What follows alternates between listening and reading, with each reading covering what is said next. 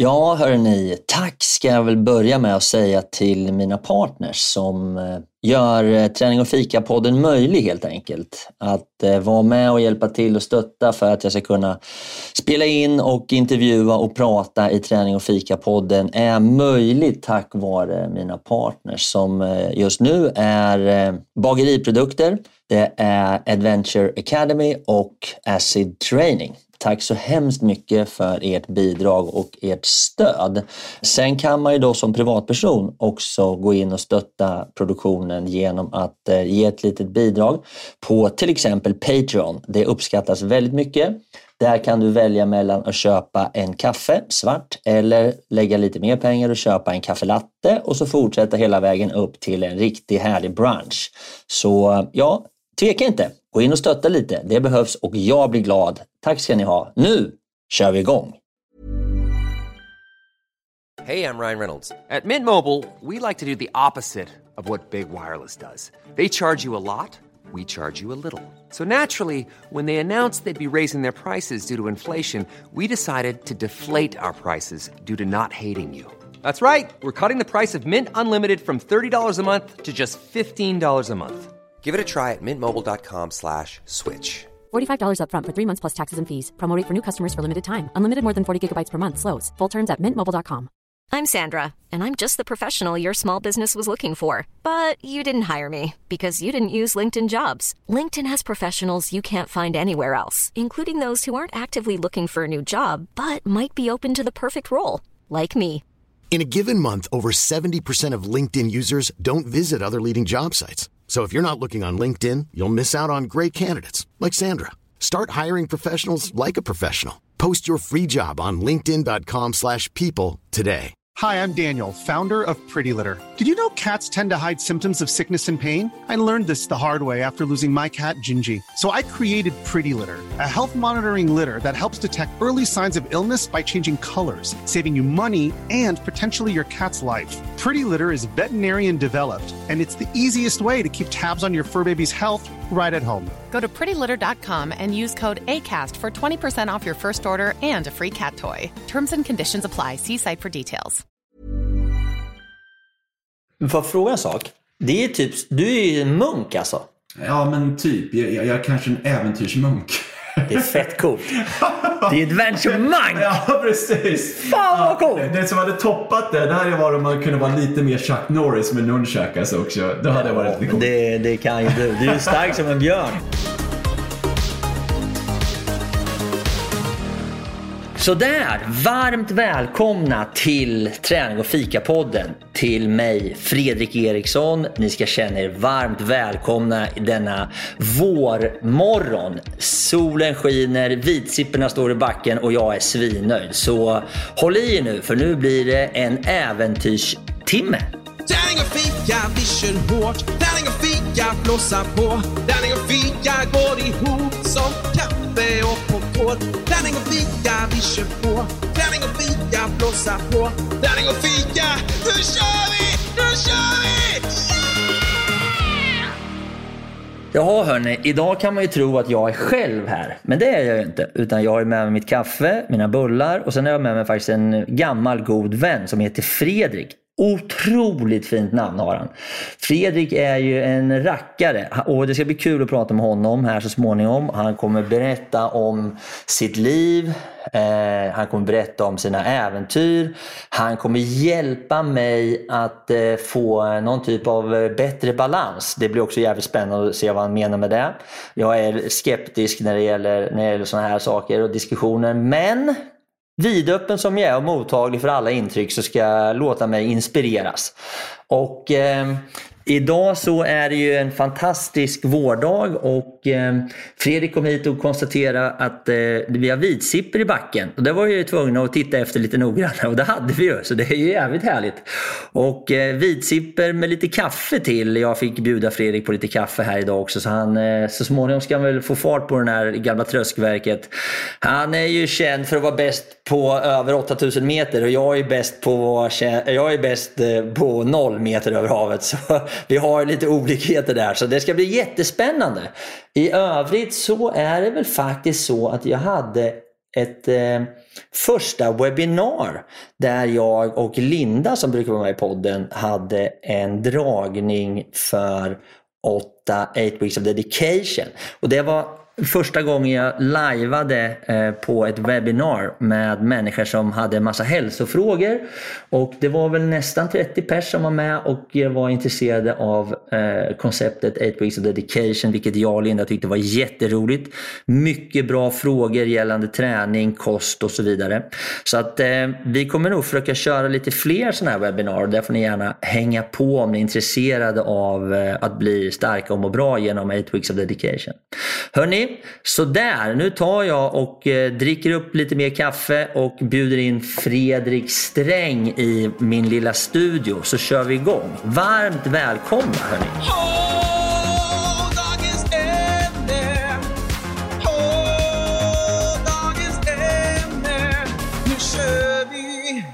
Jaha, då hälsar jag Fredrik Sträng välkommen in i studion. Hej Fredrik! Tack så mycket Fredrik. Kul Väl... att vara här. Ja, men välkommen! Det var länge sedan. Ja, det var för länge sedan. Man skulle nästan kunna säga att vi brukar ses på topparna av berg, men det är inte alls sant för jag är aldrig uppe, men du är hela tiden uppe. Typ. Ja, typ. Hur mår du?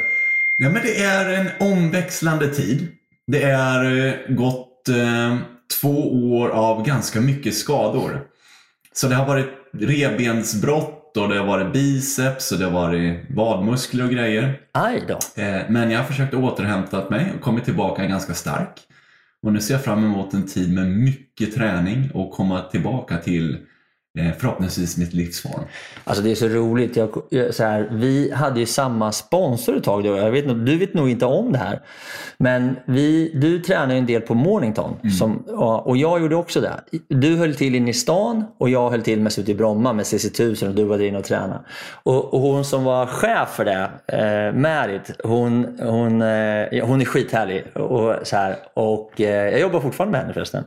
Hur som helst, hon berättade liksom, för vi var ju där med Adventure Academy och med, med CCC1000 ute i, ute i Bromma. Så berättade hon att, ja, och så hade jag ju pratat om dig, vi känner dig båda två. Och så sa ja, men Ja, hur går det för Fredrik? sa jag. Liksom, oh, fan, han kör på som fasiken. Han tränar som bara den och han är svinstark sa hon. Så hon var jätteuppdaterad. Men det är ett litet problem. Jag bara, vad menar du? Ja, men du vet, han kör ju så hårt där inne i stan. Så han, du vet, han tar i och det smackar och låter och det slängs vikter. Och liksom, folk är inte vana vid det. Det är ingen som tränar så på våra gym. Jag bara, nej det är precis Fredrik Sträng. så jävla roligt. Eh, antingen noll eller hundra. Är du. Eh, en kompis sa till mig, Magnus heter han, helt underbar. Han sammanfattar med ett nötskal. Det är på eller av som en ljusknapp. Ja. Eh, och varför inte gå all in? För att när du blir kanske 90 år, då kanske du ångrar att du inte gjorde allt. Ja, du kommer, där vill inte jag hamna. Nej, men du kommer inte ångra något Fredrik. Eh, du, har nej, gjort, du har gjort det mesta. Efterklok kan man vara, men jag tycker, man brukar säga det, efterklok brukar säga att det är ungefär som att slå på någon som ligger ner.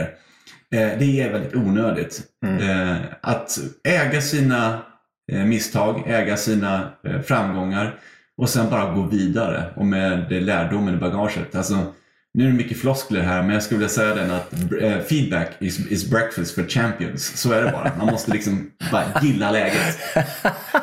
ja, problemet för mig Fredrik var det. Jag är varken bra på något eller riktigt dålig på något. Det är det. Jag är sån här riktig svenne.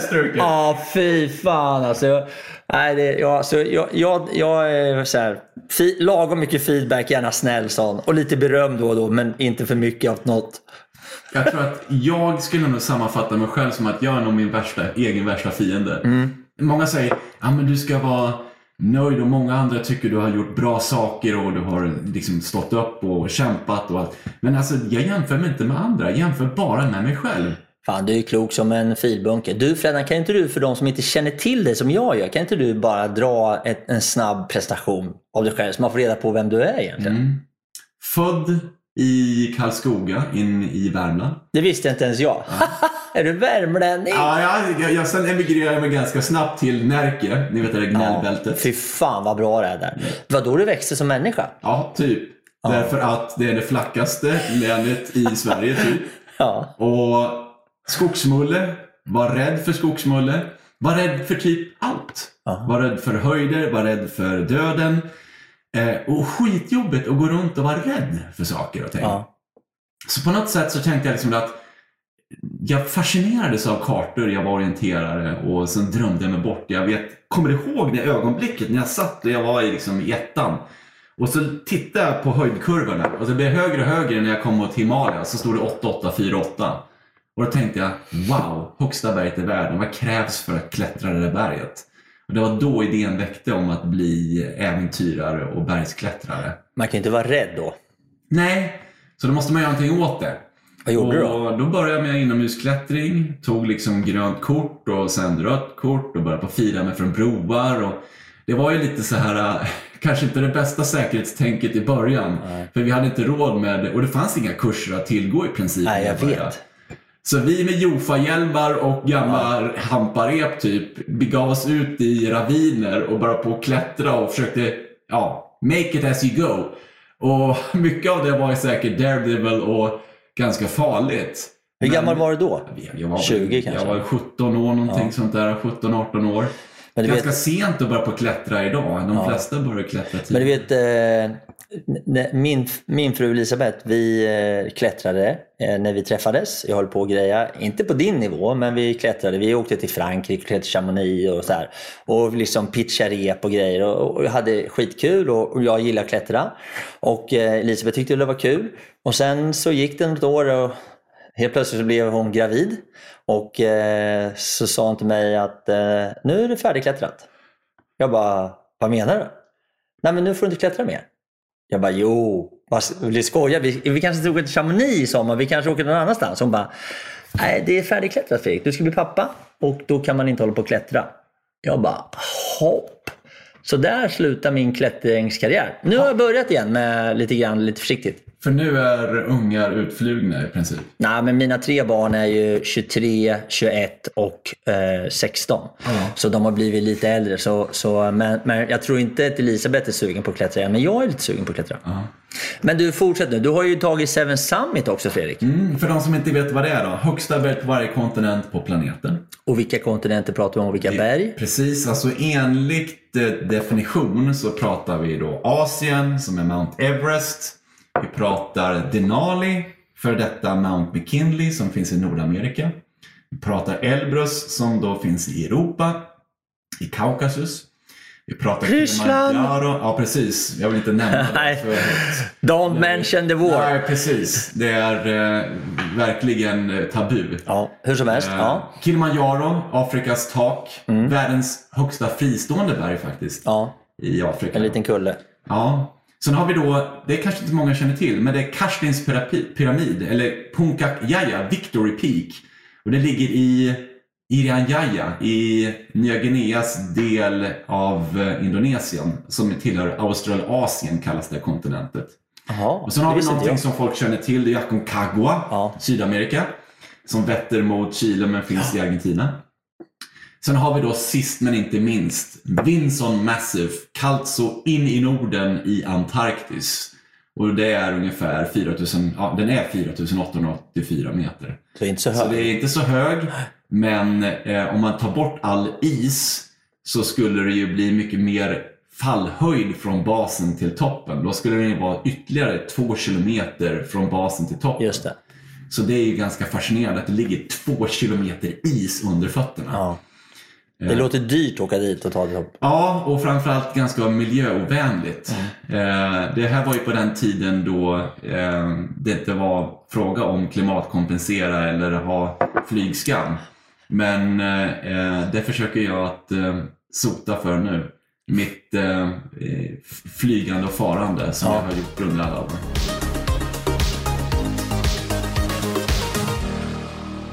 Men du, mer då? Hur lever livet? Vad gör du? Ja, men det, är, det är liksom annorlunda. Eh, Jag började ju kanske min liv lite annorlunda. Jag gick ju inte klart utbildning. Så att jag satsade ju helt och hållet i princip på äventyr. Och tänkte liksom att det här ska Hur jag gammal var du då? Men jag var runt 20-21 år någonstans där. Eh, gjorde lumpen som Lapplandsjägare i Kiruna, eh, vilket var ett härligt år. Eh, och det fick jag blodad tand för det här med alpint och var uppe på Kebnekaise några gånger, både vinter och sommartid och ville ha mer av den valutan. Så då blev det ju Mont Blanc, det blev Elbrus, det var nyklätt, nya bestigningar i Peru och mycket annat. Eh, åkte till Denali i Nordamerika och liksom bara kände det här är livet. Och sen dess har jag hållit på med teambuilding, med företagsevent, att, liksom att höja människors självförtroende och sluta att få människor att förminska sig själv och tro att de inte kan och så vidare. Men du Fredrik, jag kommer ihåg, det här var ju länge sedan, första gången vi träffades. Då delade jag ut eh, pris till dig som årets svenska manliga äventyrare. Ja. Sen har du vunnit det här priset en gång till. Mm. Och sen har vi varit ute på lite föreläsningsturnéer och, och så vidare. Och, eh, men jag kommer ihåg att jag sa åt dig för länge sedan, jag vet inte om du ens kommer ihåg det, men jag sa Fredrik, din största styrka som gör att du fortfarande egentligen lever, det är att du har någon typ av inbyggd riskbedömningsförmåga. För när man bestiger stora berg som du gör, då är det ju inte bara att ta sig upp, utan man ska ju ta sig ner. Och det är ganska många som eh, inte tänker hela, hela vägen, utan för vill ta de sista hundra metrarna upp till toppen, men som då kanske ibland gör att man inte riktigt har rätt riskbedömning. Eller hur? Och det är väl en av dina styrkor och den pratar du ganska mycket om nu för tiden.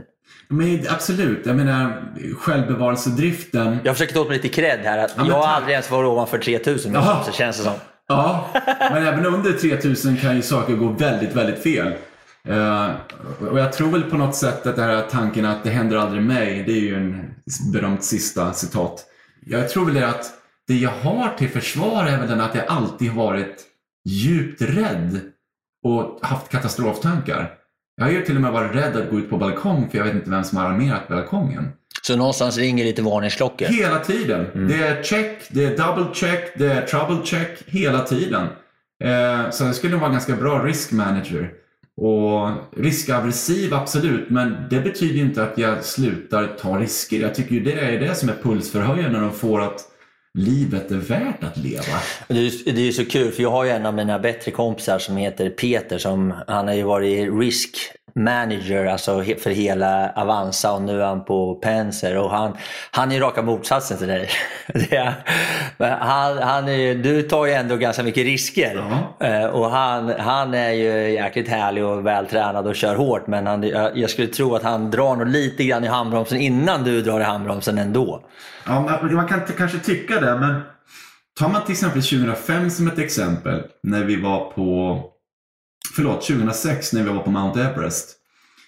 Jag vet inte hur många som kom ner med förfrysningsskador därför att de var för ivriga att gå upp på toppen när det var dåligt väder. Och vissa som klättrar berg, anledningen till att de klättrar det är så att de kan komma hem snabbt. Men det är inte jag. Äventyret och processen är allt.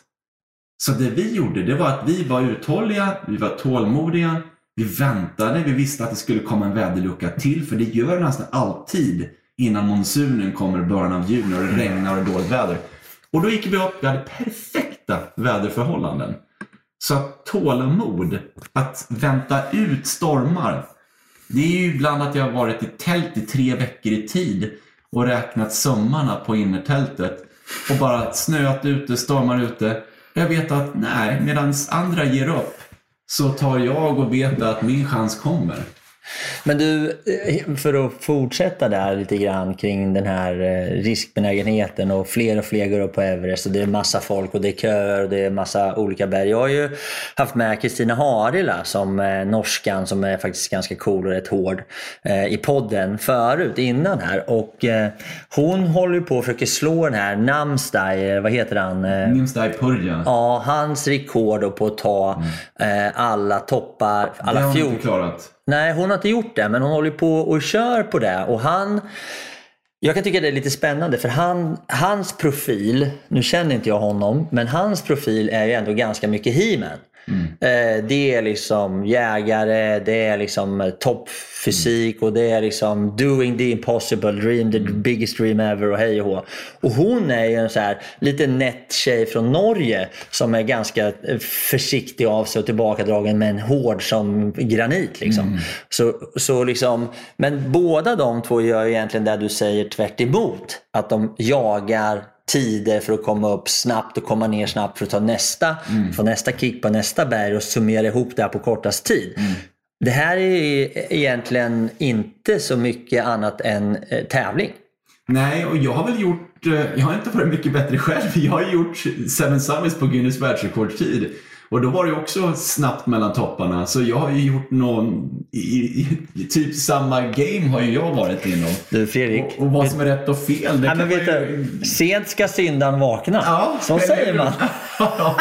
jo, men jag var inne på det spåret. Liksom. Det, men, men jag tror att rekord är någonting som folk fascineras kring. Jag själv gör det. Jag inspireras av det.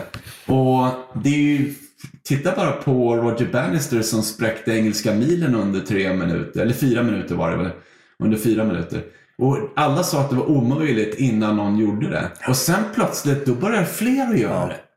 Och jag tror liksom den att, särskilt i de här tiderna, när många tror att det är omöjligt att stävja Parisavtalet under en och en halv grad och så vidare. Vi behöver ha mer positiva gestalter som tänker utanför boxen och som bara säger att det är omöjligt att bara ta lite längre tid. Ytterligare floskler. Vet du vad jag tycker är en av de... Så här, jag springer ju inte längre för mitt knä har pajat. Men jag kan ändå fascineras så otroligt mycket av han som sprang maraton under två timmar. Vad heter han? Sjukt häftigt. Alltså det går inte att förstå. Ja, det så går... sjukt snabbt. Ja, det går knappt att förstå för det, är, det tycker jag är ett sånt här enormt rekord som är helt jävla galet. Jag älskar sånt. Alltså han springer så fort så att det liknar ingenting. Ja, det är svårt att hänga med i 100 meter. Nej men alltså det är rycket. Han rycker i fyra mil. Ja. Det är så jävla coolt. Ja. Du Freddan, jag skulle fortfarande vilja ha reda på lite mer om dig som person. Liksom. Mm. Du har ju ändå valt en del vägar som är lite annorlunda. När vi träffades då Mm. var du sambo och bodde tillsammans med en tjej. Sen kraschade det och sen dess har du kraschat många gånger. Så här. Fan, vad, hur har du det nu? Det är bra att du har tur och koll på mitt liv. Jag följer det. Men hur mår du? Vad händer? Hur, vad, du har ju gått ut i tv till och med och sagt att du inte ska ligga med någon mer. Ja, ja precis. Ja. Det kan ju inte stämma. Jo. Nej, vad fan Freddan. Ja. Du är ju Guds gåva till världen. Men du lever själv. Ja. Ja. Men jag är inte ensam. Många känner kanske sig ensam om de lever själva. Men jag känner mig aldrig ensam. Eh, Jag tror att en sak är att man måste vara sin egen bästa vän. Det tror jag är jätteviktigt. Sen älskar jag att umgås med människor. Älskar det. Men inte vilka som helst. Jag vill gärna välja dem. Jag vill gärna välja dem som utmanar mig och som får mig att kanske utmana mina egna föreställningar och så vidare. Vet du vad Fredrik? Nu ska jag berätta en sak för dig. Jag har gjort storbolagskarriär. Jag har varit inom ett antal storbolag. Och 19, äh, två- år 2000, då sa jag så här, jag orkar inte längre. För det, jag sitter på så mycket möten med människor som jag aldrig skulle vilja umgås med. Hela dagarna. Man går, när man jobbar på storbolag som jag har gjort i många, många, många år. Då går man från möte till möte till möte till möte. Och man sitter med människor och pratar hela dagarna i olika möten.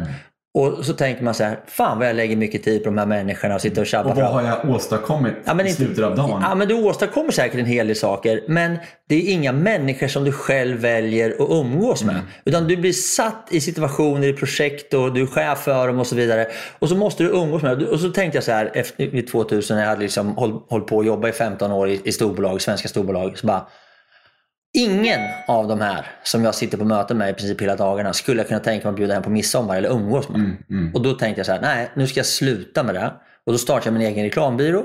Och det enda som jag satte upp som den enda värdering vi hade på byrån, vi var sex anställda, det var att vi ska bara jobba med kunder som vi ska kunna umgås med på midsommar. Så jag förstår dig Fredrik. Men jag är inte som du. Jag, in, jag kan inte vara nöjd med mig själv. Jag är alldeles för dålig.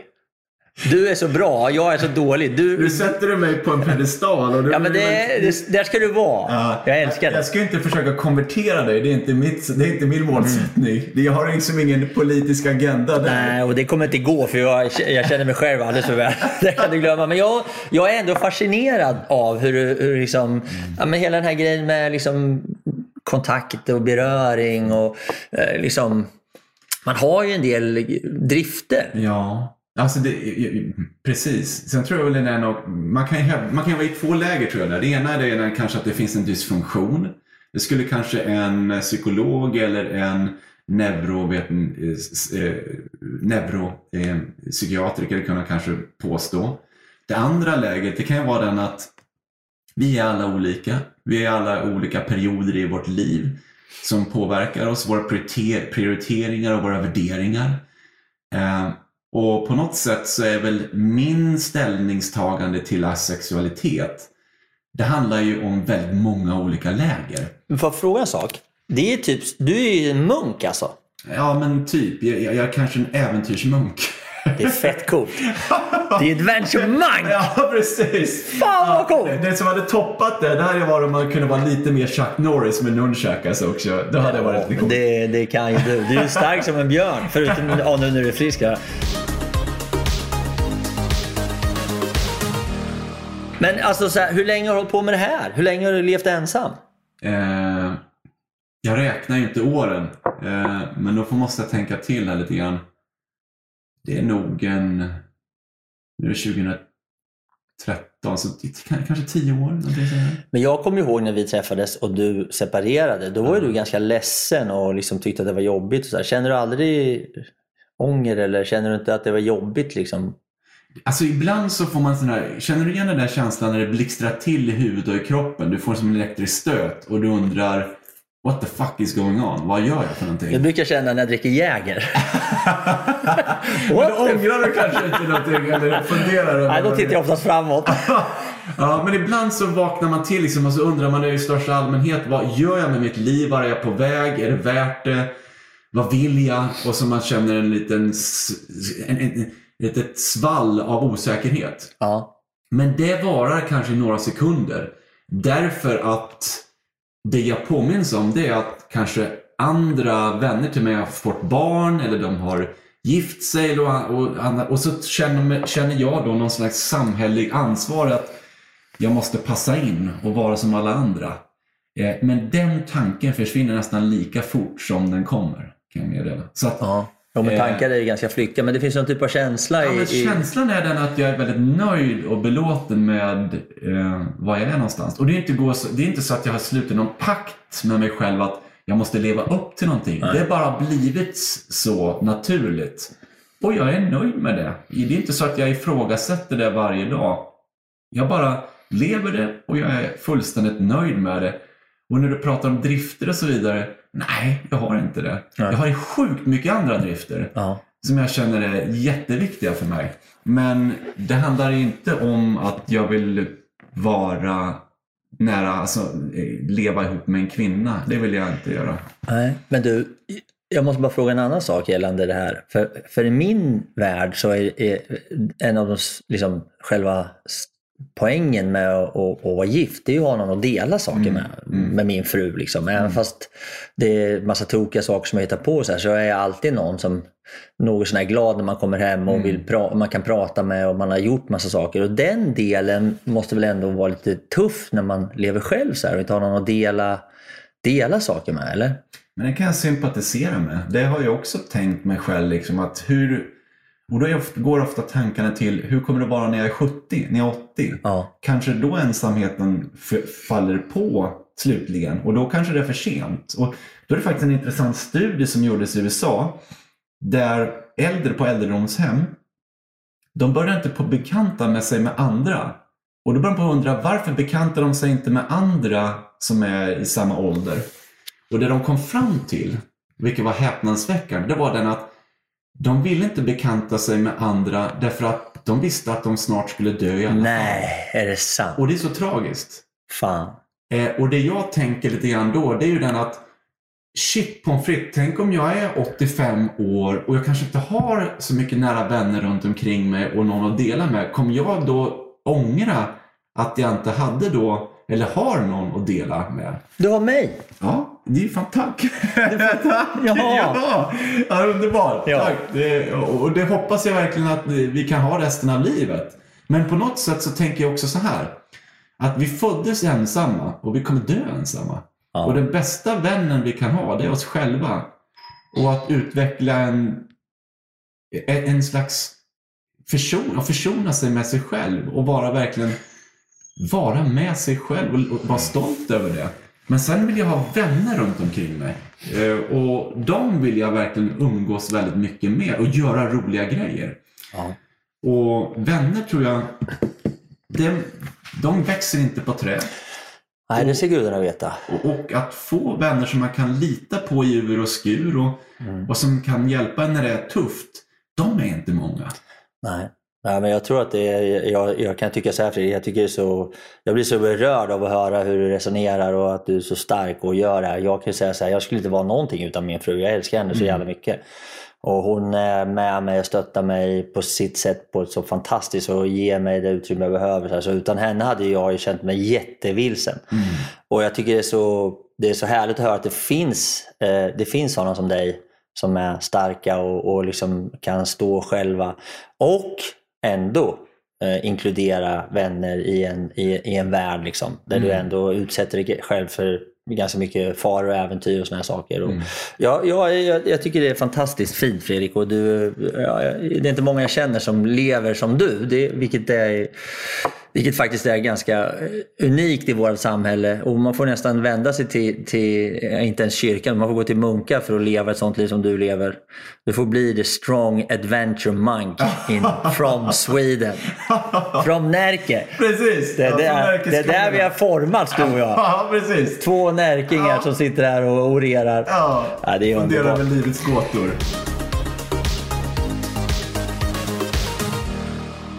Du eh, Freddan, vad heter det? Jag tänkte att vi skulle ta lite kring dina olika äventyr också och höra lite grann. Och då är det ju en sak som sticker ut lite grann. Eh, som du både har pratat en del om men också gjort filmer om och du var där och det var en katastrof och en tragedi för många. Eh, men det är naturens gång kan man ju då till viss del tycka när du var i, på K2 och, och, och hela den biten. Kan du ta med oss dit och dra en, en, en, en liten variant? Recap. Ja, det var ju, det var ju helt bedrövligt det som hände. Ja, det var ju den värsta 24 timmarna i K2s historia. 25 klättrare gick upp mot toppen den 1 augusti 2008 och 11 kom aldrig ner med livet i behåll. Eh, jag skulle egentligen inte varit på den expeditionen utan det var så att cirkus fyra månader innan då hade jag tränat sönder mig och jag var riktigt, riktigt sjuk. Igen.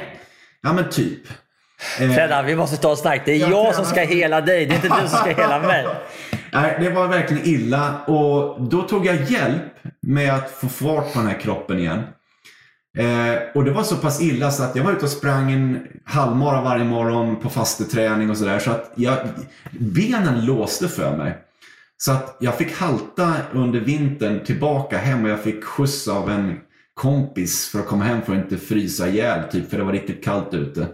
Och sen började jag på att träna och så kom jag i form i alla fall och jag kom till K2 med inställningen att nej men jag ser hur långt upp jag kommer. No, in, alltså ingen prestige. Och så ville jag dokumentera vad det är som får människor till synes okända för varandra att utmana det tuffaste och kanske dödligaste berget i världen.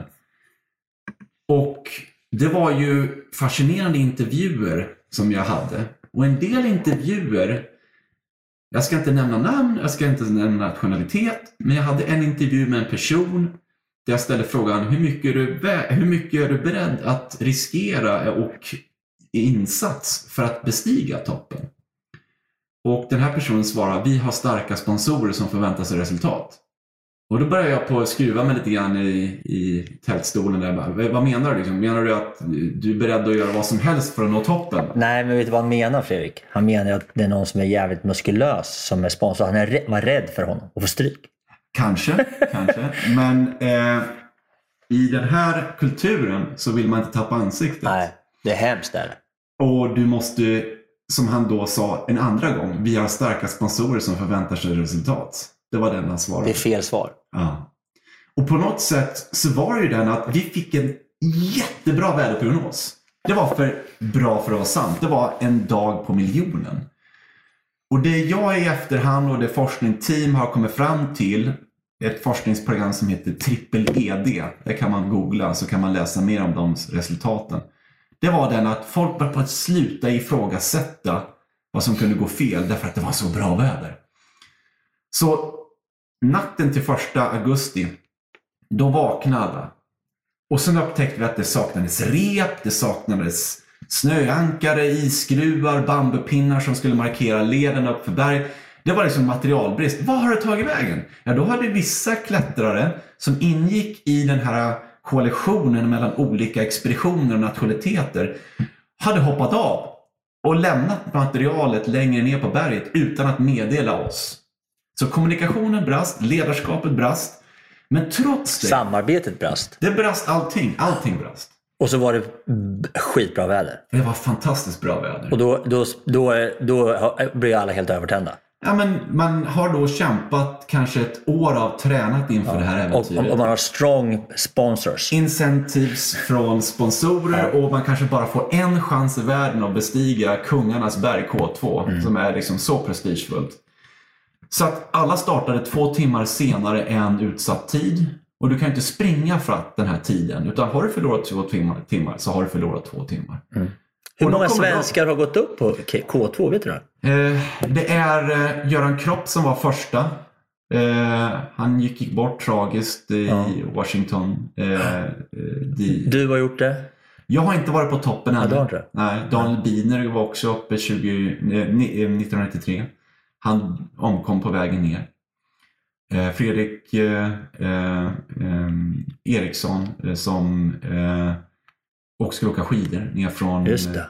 eh, K2.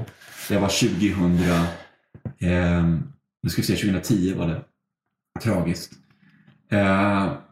Och jag har försökt fyra gånger totalt. Ja, jag vet. Men för att summera vad som hände. Men det är bara Kropp som har uppe svensk? Och Daniel Biner. Ja, okej. Ja. Eh, Du har en liten oplockad gås med det här berget alltså? jag har ju unfinished business kan man säga. Och, och Kommer du ta det någon gång? man, man kan ju fråga sig det eh, om jag ska tillbaka. Men 2008 då var det ju en jättetragiskt år. Då ingick jag i räddningsarbetet och försökte få hjälpa mer människor. Och det var ett hemskt eh, temporärt eh, sjukhusläger som vi byggde upp. Vad är det som 20 gör K2 så svårt? K2 är mer radikalt vädermässigt och opolitligt än Mount Everest. Du kan liksom inte riktigt plocka in en bra väderprognos och det skiftar och det är väldigt lynnigt väder. Det är brantare, det är mer objektiva faror, serackras, alltså stora isklumpar som kan komma ner, laviner, stenras etc. Men det man har gjort på senare år det är att kommersialisera K2 så att det är väldigt många operatörer som försöker göra K2 till ett nytt Mount Everest.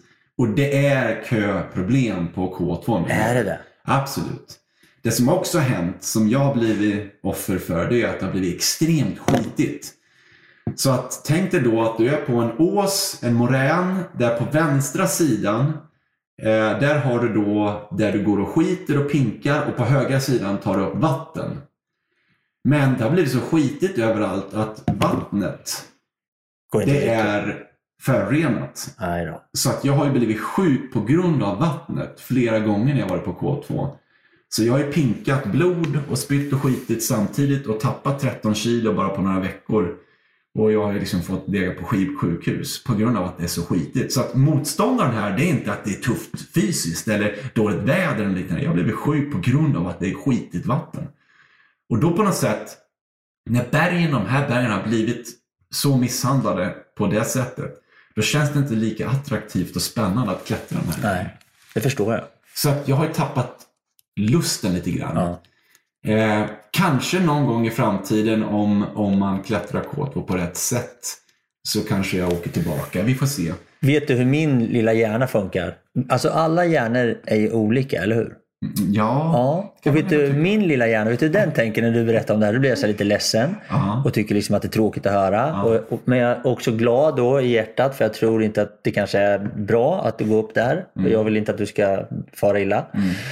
Och då tänker min hjärna så här, det är lite, det här är det sjukaste, lyssna på det här min hjärna tänker då.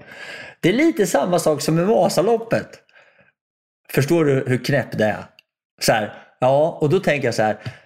Jag förstår min lilla inre röst och pratar med mig samtidigt som du berättar det. Jag förstår lite grann Fredrik, för det är ungefär samma sak som jag känner inför Vasaloppet. Jag har ju åkt 19 Vasalopp och liksom börjar bli ganska nöjd med Vasaloppet. Jag, jag, jag kanske är färdig där, precis som du är färdig med K2. Tänk dig hur dumt det är, alltså hur min hjärna jobbar. Den är konstig. Var kommer diarrén och pinka blod in i? Nej, det, det, det, det hoppar vi över. Det är väldigt jobbigt. Ja. Men ändå så vill man göra det. Ja, du Fredrik. Hör du, vi, vi, ska, vi ska faktiskt göra en helt annan sak nu. För du har nämligen lovat mig, eller berättat för mig, om din väg tillbaks till att må bra genom det här som du håller på och jobbar och säljer som heter Cincino. Ja, precis. Och så tänkte jag att du skulle, du skulle för jag ska testa det tänkte jag.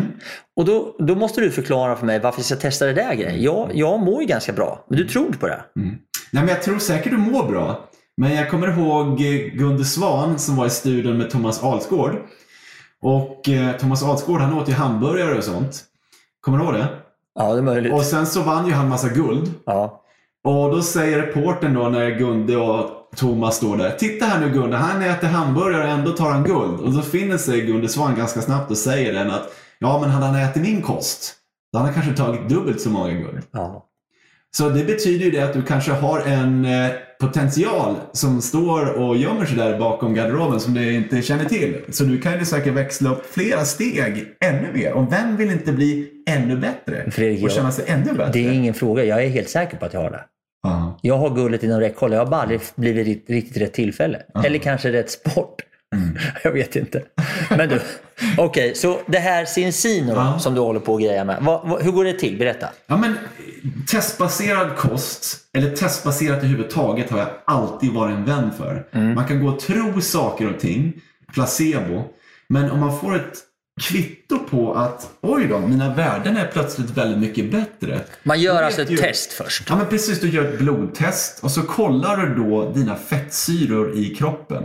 Och det vi vill komma åt det är din omega-3 eh, omega-6 kontra omega-3-balans. Jaha. Omega-6 det är sånt som kanske skapar inflammation i kroppen som när du får kanske eh, eh, när du tränat hårt och så vidare. Och sen har du omega- omega-3 som dämpar infla- inflammationen.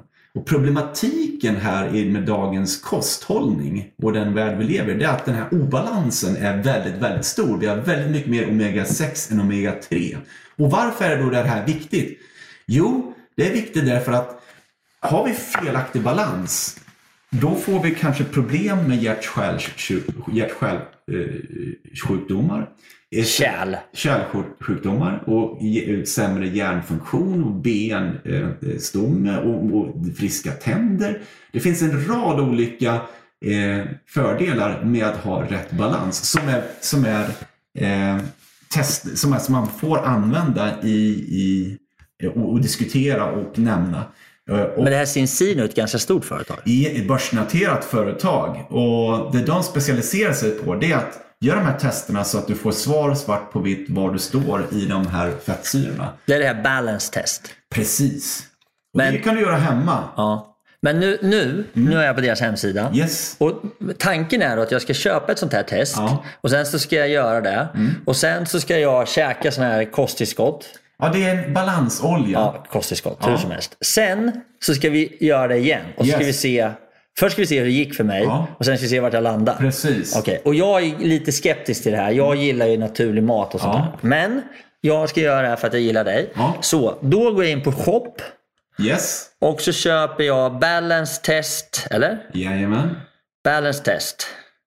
Okej, då klickar jag i en sån. Vad, vad ska jag mer? Sen ska jag köpa några oljor eller? Ja, du kan göra ett paket. Ja. Det paketet, då får du två tester och så får du balansoljor som räcker Ja. då för 120 dagar. Och så efter Just det. 120 dagar då gör du ett nytt test. Och under de här 120 dagarna med den här balansoljan, då kommer du med stati statistisk, statistik eh, eh, som är vi, eh, efter nästan en miljon olika tester visar den att då får man en normal balans av de här olika fettsyrorna.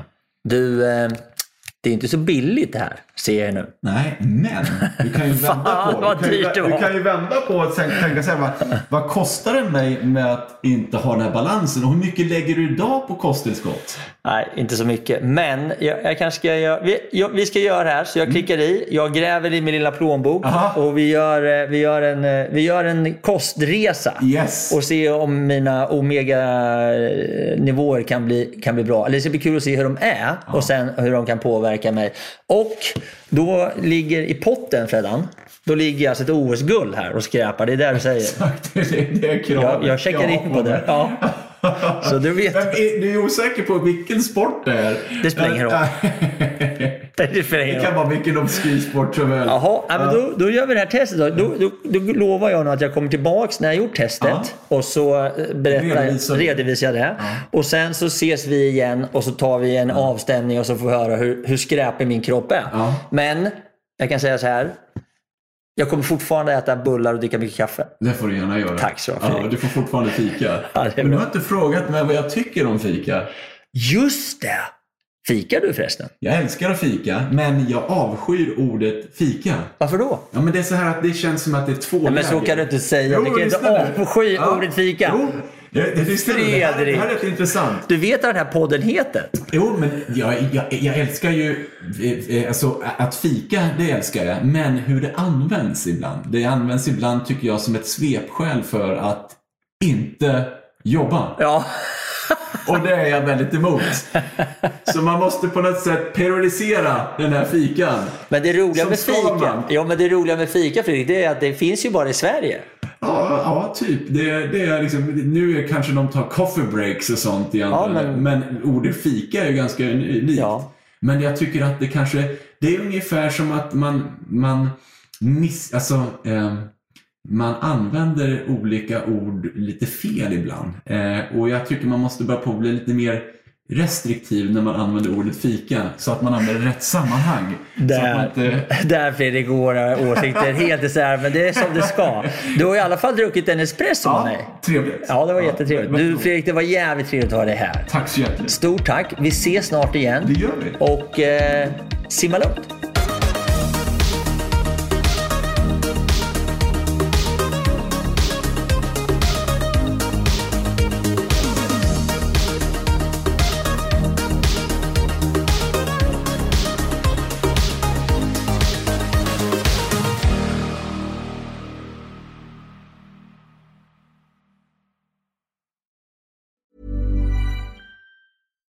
Hi, I'm Daniel, founder of Pretty Litter. Cats and cat owners deserve better than any old fashioned litter. That's why I teamed up with scientists and veterinarians to create Pretty Litter. Its innovative crystal formula has superior odor control and weighs up to 80% less than clay litter. Pretty Litter even monitors health by changing colors to help detect early signs of potential illness. It's the world's smartest kitty litter. Go to prettylitter.com and use code ACAST for 20% off your first order and a free cat toy. Terms and conditions apply. See site for details. Planning for your next trip? Elevate your travel style with Quince. Quince has all the jet setting essentials you'll want for your next getaway, like European linen, premium luggage options, buttery soft Italian leather bags, and so much more. And is all priced at 50 to 80% less than similar brands. Plus, Quince only works with factories that use safe and ethical manufacturing practices. Pack your bags with high-quality essentials you'll be wearing for vacations to come with Quince. Go to quince.com slash pack for free shipping and 365-day returns. Planning for your next trip? Elevate your travel style with Quince. Quince has all the jet-setting essentials you'll want for your next getaway, like European linen, premium luggage options, buttery soft Italian leather bags, and so much more. And is all priced at 50 to 80% less than similar brands. Plus, Quince only works with factories that use safe and ethical manufacturing practices. Pack your bags with high-quality essentials you'll be wearing for vacations to come with Quince. Go to quince.com pack for free shipping and 365-day returns. Det var allt för den här gången hörrni och jag tänkte avsluta lite kort med att återigen tacka mina fantastiska partners och sponsorer som är Bageriprodukter, Acid Training och Adventure Academy. Och eh, återigen, har du en krona över eller är helt enkelt sugen på att bjuda på en kaffekopp så gå in på min Patreon och eh, köp en kaffe, en kaffelatte eller en hel brunch. Så eh, kan jag fortsätta spela in podden, producera nya härliga avsnitt och eh, fortsätta att underhålla dig. Hoppas du har haft en fin lyssning och att vi snart hörs igen. Tack så mycket. Hej då!